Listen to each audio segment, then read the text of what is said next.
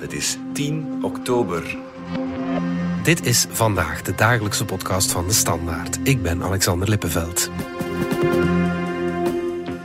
De spionageapparatuur Predator die in Europa ontwikkeld is, wordt over de hele wereld verkocht. Ook aan dictators met wie volgens de Europese regels geen handel gedreven mag worden.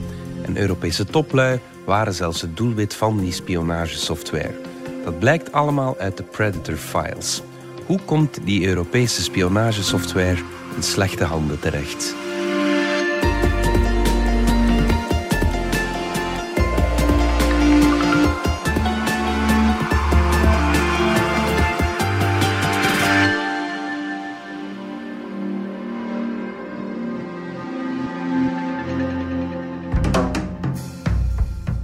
Onze collega's zijn de laatste weken diep in de Predator Files gedoken samen met een heel aantal andere journalisten van het onderzoeksconsortium EIK. En hun resultaten kan je lezen op onze website standaard.be. De Predator Files, je vindt het wel. Het is een heel interessant dossier. Als je als min 26-jarige nog geen abonnement hebt, dan hebben we een heel interessant aanbod. Want voor amper 1 euro per week kan je de standaard al lezen. Alle info vind je op standaard.be. En nu een fragmentje over de spionagesoftware Pegasus. It can look for your cameras, it can also take pictures. It accesses your messages, your history. It can listen to what you say and it can also record you. So yeah, Pegasus is is pretty terrifying.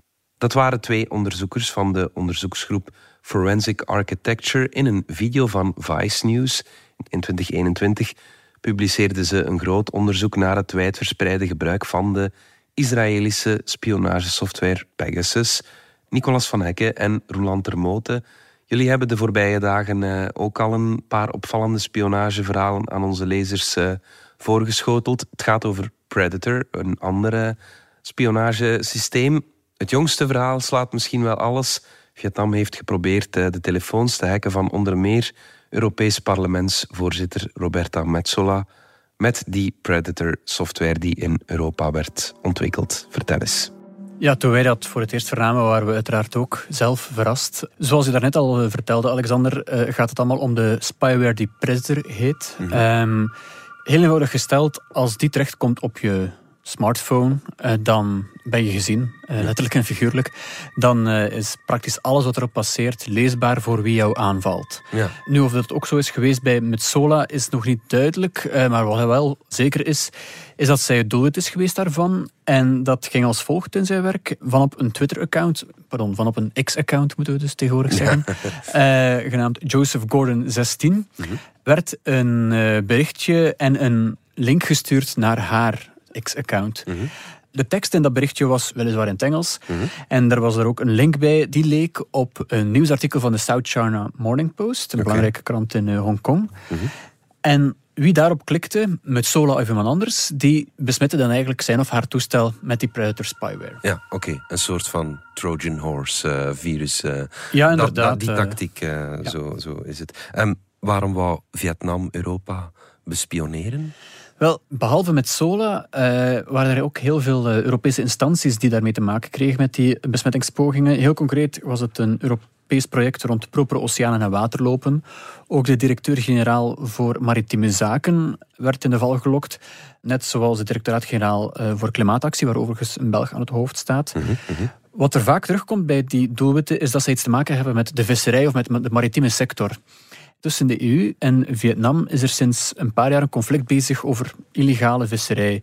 Want de commissie vindt dat Vietnam te weinig doet om die visserij te bestrijden. Ja. Dus ja, dat is mogelijk een van de aanleidingen voor die pogingen tot hacking. We hebben het uh, zo meteen over die Predator en die herkomst uh, daarvan. Maar wordt het ook nog door andere regimes gebruikt dan uh, Vietnam, Roland? Het wordt door een uh, vrij stevige reeks uh, regimes gebruikt. Um, en ja, wat, wat je ziet is dat verkopers van Predator die we onderzocht hebben, dat die het probeerden uit te voeren naar verschillende regimes, of het nu in Afrika, het Midden-Oosten of, of Azië is. Maar ook in Europa werd ook Griekenland ervan beschuldigd om Predator gebruikt te hebben. Ik weet niet of, je, of jullie het je, herinneren, maar in de afgelopen jaren was er een uh, flink schandaal in Griekenland. Want uh, daar bleek plots dat zowel journalisten als ja, de leider van de oppositie, van de sociaal-democratische oppositie, als uh, mensen binnen de partij van premier Mitsotakis, de centrumrechtse premier Mitsotakis, zouden afgeluisterd zijn. Vaak ging het om interne rivalen van Mitsotakis. En een aantal van die mensen bleken ook links ontvangen te hebben, waaruit bleek dat zij ook wellicht het doelwit waren van Predator. Wat de Grieken ontkennen. Ze ontkennen dat ze Predator gebruikt hebben, maar we weten wel dat die mensen afgeluisterd zijn met telefoons en dat ze het doelwit waren van de overheid. dat is een enorm schandaal geweest in Griekenland. -hmm. Maar ja, dat heeft een beperkt staartje gehad. In de zin dat een uh, aantal van de verantwoordelijken, onder meer Mitsotakis' neef, die een belangrijk luitenant was van Mitsotakis en verantwoordelijk voor inlichtingendiensten, moest afscheid nemen. Het Griekse schandaal werd ook besproken in het Europees Parlement. We luisteren even naar het Ierse parlementslid Claire Daly. I too condemn the use of spyware by Greece against journalists and opposition. I'm glad we're debating it. The truth is that this scandal really is just the tip of an iceberg. The design, sale, and use of spying technologies doesn't happen by accident. It's a business, a branch not only of Israel, but also of the European arms industry. Ja, we hoorden het net. Die uh, spionagesoftware is eigenlijk een Europese uitvinding. Vertel. Het is ontwikkeld in Europa. Uh, het is ook verkocht vanuit Europa.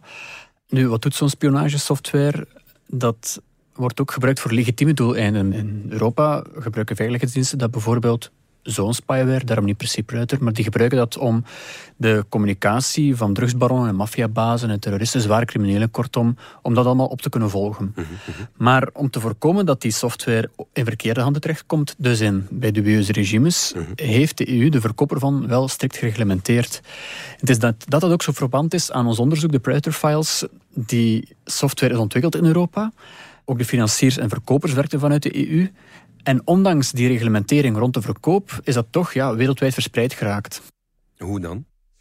Uh, een van de bedrijven die we onderzochten, die heet Nexa. Dat is een Frans bedrijf dat ook heel veel levert aan de Franse staat. Die goed genetwerkt zijn in uh, Frankrijk. Uh, een aantal toppers binnen Nexa blijken bijvoorbeeld over het telefoonnummer van president Emmanuel Macron te beschikken. Okay. Ze zijn niet alleen leveranciers aan de Franse staat, maar wat ze ook doen is via een zusterbedrijf in de Verenigde Arabische Emiraten leveren aan een heel aantal andere landen. En wat je ziet is dat afhankelijk van het land waar ja, Predator bijvoorbeeld uh, moet terechtkomen, dat ze vaak liever opteren om hun vestiging, hun zusterbedrijf in de Emiraten te gebruiken, om wellicht omdat in de Emiraten nu eenmaal minder exportbeperkingen zijn. De Emiraten die doen veel minder lastig dan de Europese Unie over wat je wel en niet kan uitvoeren. Mhm.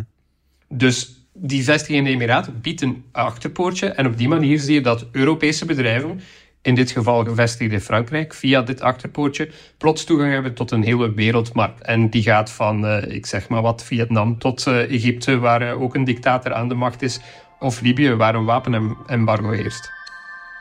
Wie zit er achter dat bedrijf, achter die Nexa? een van de belangrijkste figuren daar is een zekere Stefan Salius. Hij is medeoprichter van Nexa en ja, werkte ook mee aan het bondgenootschap Intelexa, hij dat dan die Pruiter software verder is beginnen verspreiden. Mhm. Hij is een 59-jarige man die fysica heeft gestudeerd in Parijs en Silicon Valley, maar eigenlijk draait hij al jaren mee in de sector van de spionagetechnologie. Uh, hij was manager bij een voorloper van Nexa, dat heette Amesis uh, voor de fijnproevers.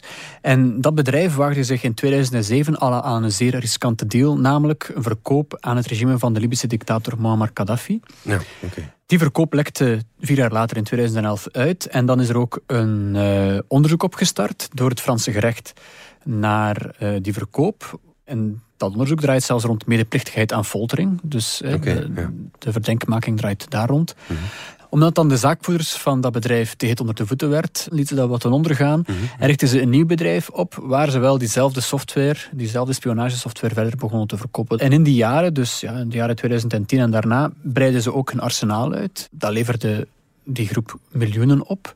Mm -hmm. Opvallend is ook, dus in de honderden documenten die we hebben kunnen bestuderen, zit ook een, een handgeschreven notitie van een soort teambuilding-sessie bij dat spionagebedrijf Nexa, een handgeschreven notitie van die Salius. En daarin schrijft hij letterlijk zelf dat zijn drijfveer is rijk worden om, tussen aanhalingstekens, op een grote boot te zeilen. Ah ja, oké. Uh, dus geld was zijn drijfveer in uh, de verkoop van die zeer omstreden producten. Uh, het heeft hem dus ook echt wel veel geld opgebracht. Toen hij uiteindelijk door de politie werd verhoord, heeft hij daar verklaard dat hij 25.000 euro per maand verdiende. Mm -hmm. Dat hij met een Porsche Macan en een Mercedes GT reed, toch enorme luxe voertuigen. Mm -hmm. hij pochte ook met een huis van 4 miljoen euro in de buurt van Parijs, een villa in Dubai van 1,5 miljoen. Dus uh, het heeft hem zeker geen windeieren gelegd, die dubieuze handel. Hoe zijn jullie dat allemaal te weten gekomen, Roland? Wel, um, we maken deel uit van een, een Europees onderzoeksnetwerk. Uh, daar hebben we eerder al projecten mee ten uitvoer gebracht. Het ging zowel over, uh, over Congo en, en de kleptocratie die daar heerste en de links naar België, als over privéspionnen die ja, mensen in Europa uh, zwart maakten of het leven zuur maakten, in, inclusief een aantal Belgen. En ja, wat we vaak doen is, als er een groot dossier is, dan gaan we dat samen uitspitten met de collega's van dat netwerk. In dit geval hebben Mediapart en de Spiegel, onze, onze partners, hebben een aantal vertrouwelijke documenten in handen gekregen en die gedeeld met een heel aantal andere partners, ook een aantal uh, media van buiten het netwerk, die meewerkten omdat ja, zij zich bevonden op een relevante plaats. Israël, Griekenland, uh, ik, ik zeg maar wat. Mm -hmm. En al die partners van het netwerk uh, die, zijn samen door de documenten gegaan. Die zijn ook ter plekke gegaan als dat nodig was. Bijvoorbeeld bij het huis van de, sommige van de mensen die we onderzochten.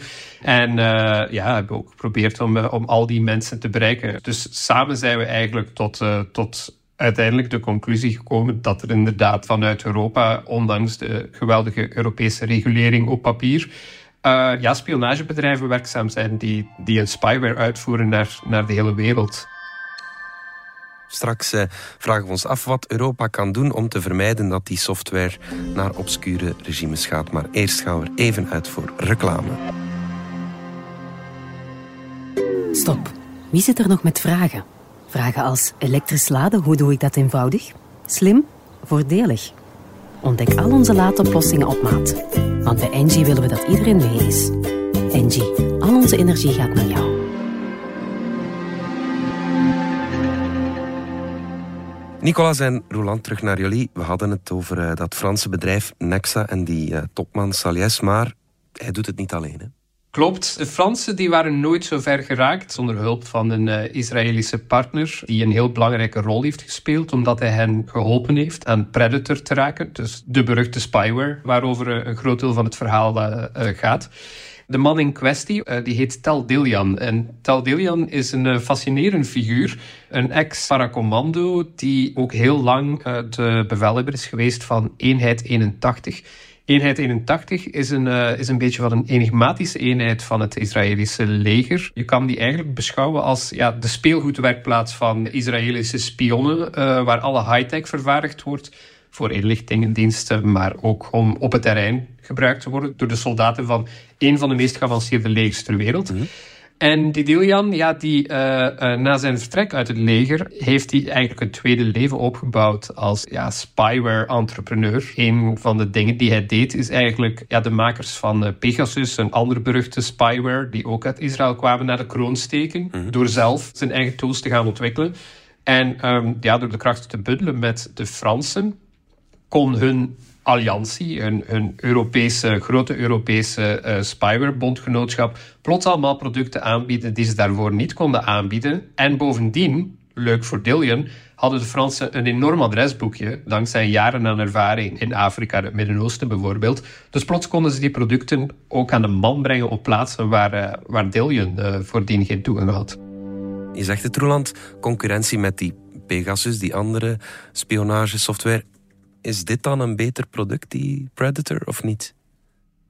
Wel, in een eerste versie was Predator geen beter product in zekere zin, want de heilige graal in de hacking software heet zero-click. En een zero-click systeem, ja, dat is een systeem dat jouw telefoon kan infecteren zonder dat jij op een link hoeft te klikken. Hmm. Vaak, en dat hebben we ook gezien, een aantal van de mensen die we beschrijven in onze stukken, die, die krijgen een link toegestuurd, dan klikken ze erop, dan raakt een telefoon geïnfecteerd en dan kan die leeggezogen worden door de hackers. Mm.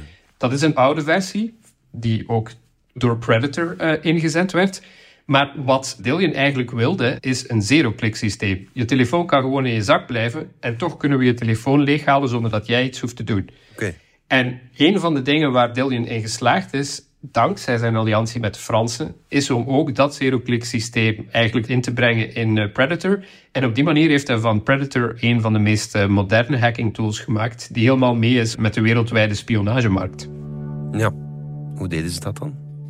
Met een hackingbusje. Oké, dat klinkt uh, A-team-achtig. Ja, dat klinkt ook vooral gewoon zoals het is. Namelijk, dat is een zwart busje dat volgestouwd zit met hackingapparatuur eigenlijk.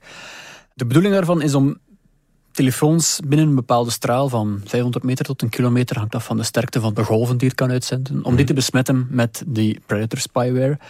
Dus vanuit dat busje worden dan radiogolven uitgestuurd. Het ene programma heet Spearhead. Dat gebeurt dan via wifi-golven, zoals onze telefoon verbinding zou maken met een wifi-netwerk.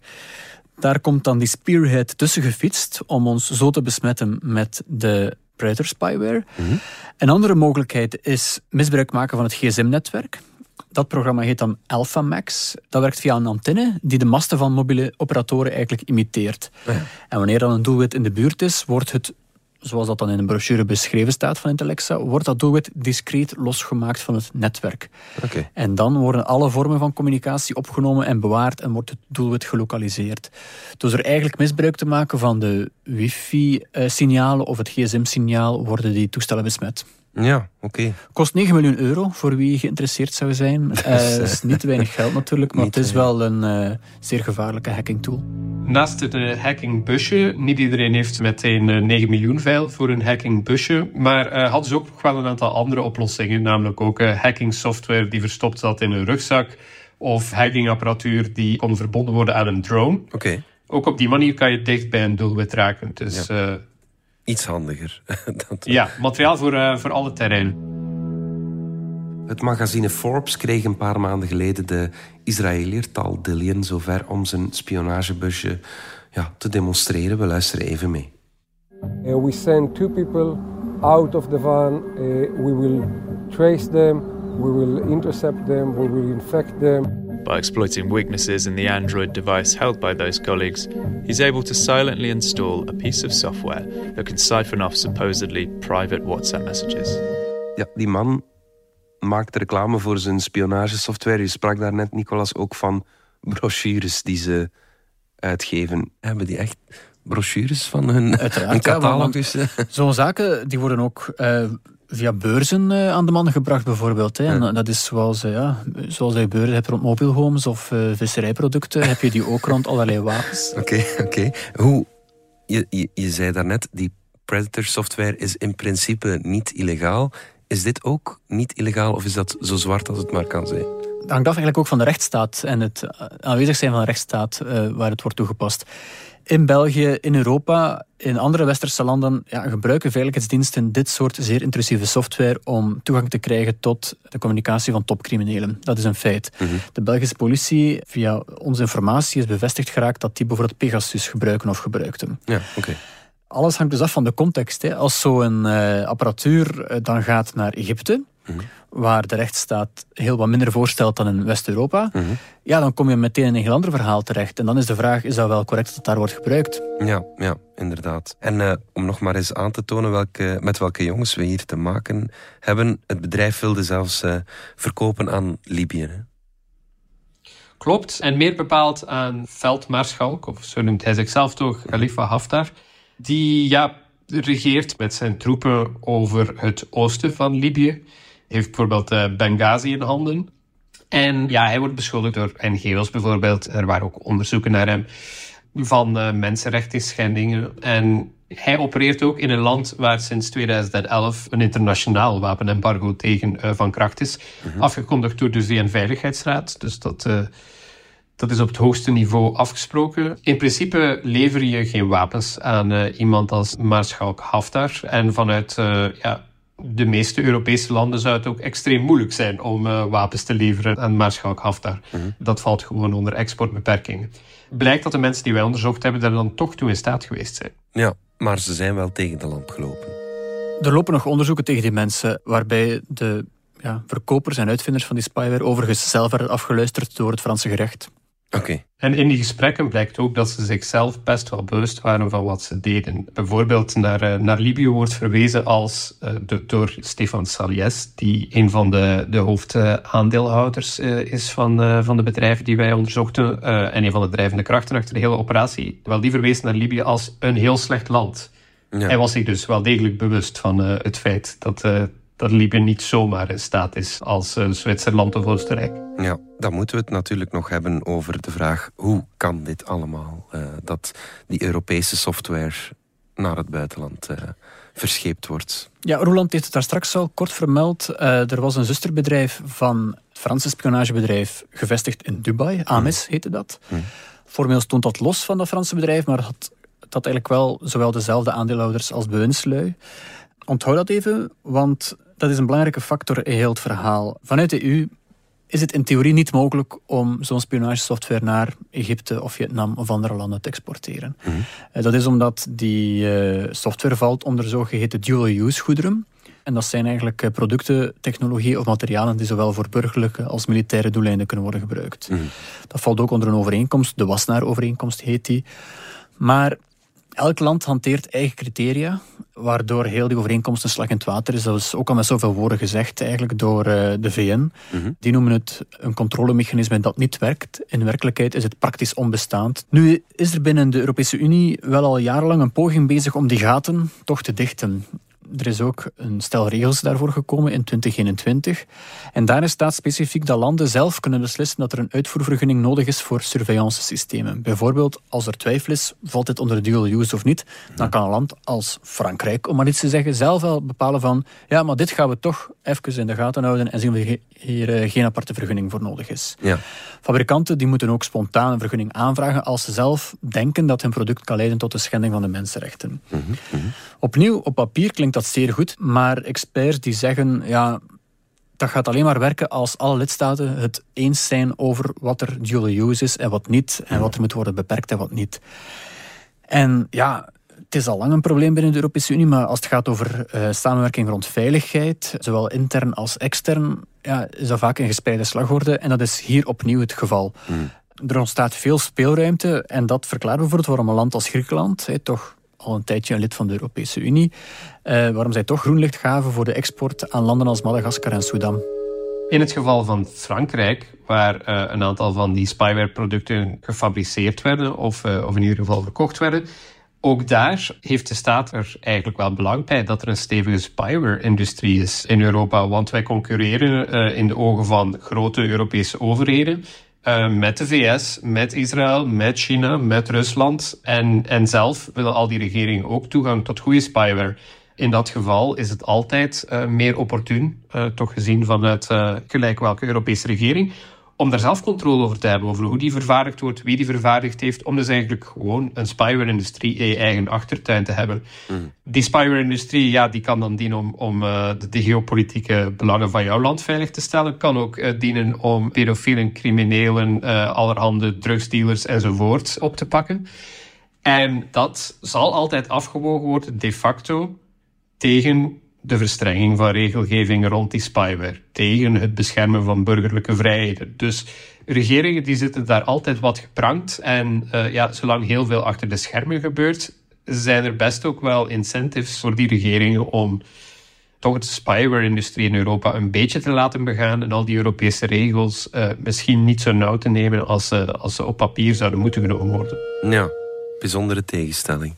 Tot slot, dit zijn dingen die ja, vooral achter de schermen gebeuren, waar we weinig van weten. Het is wel interessant dat we dit eens blootleggen. Hè? Ja, dat vinden wij uiteraard zelf ook. Eh, het is denk ik wel belangrijk om inzicht te geven in hoe die wereld werkt van de spionagesoftware, omdat in autoritaire regimes zijn dit zeer belangrijke wapens, mhm. omdat ze zo gericht iemands leven overhoop kunnen halen. En dat is net wat dictators willen, de dissidenten mond doodmaken, bang maken, met dit soort spyware. En het is ook zeer ironisch dat vanuit Europa dat wordt verkocht aan die autoritaire regimes. Ook al lijkt Europa de veilige haven voor, mensenrechten, vrijheden en, en, en, mensenrechten. Dat dan toch tussen de regels door wordt gefietst om dat te verkopen is zeer pijnlijk. Mhm. En dat moet gewoon uit de schaduw worden gehaald. Ja, absoluut. Goed. Nicolas van Hekken, Roland Termoten, dank jullie wel. Dank u. Dit was vandaag de dagelijkse podcast van de Standaard. Bedankt voor het luisteren. Volg ons op Spotify, Apple Podcast of eender welk ander podcastplatform. Of download de vernieuwde app DS Podcast, waar je ons werk en de beste luistertips van onze redactie terugvindt. Alle credits van de podcast die je net hoorde vind je op standaard.be-podcast. Reageren kan via podcast.standaard.be.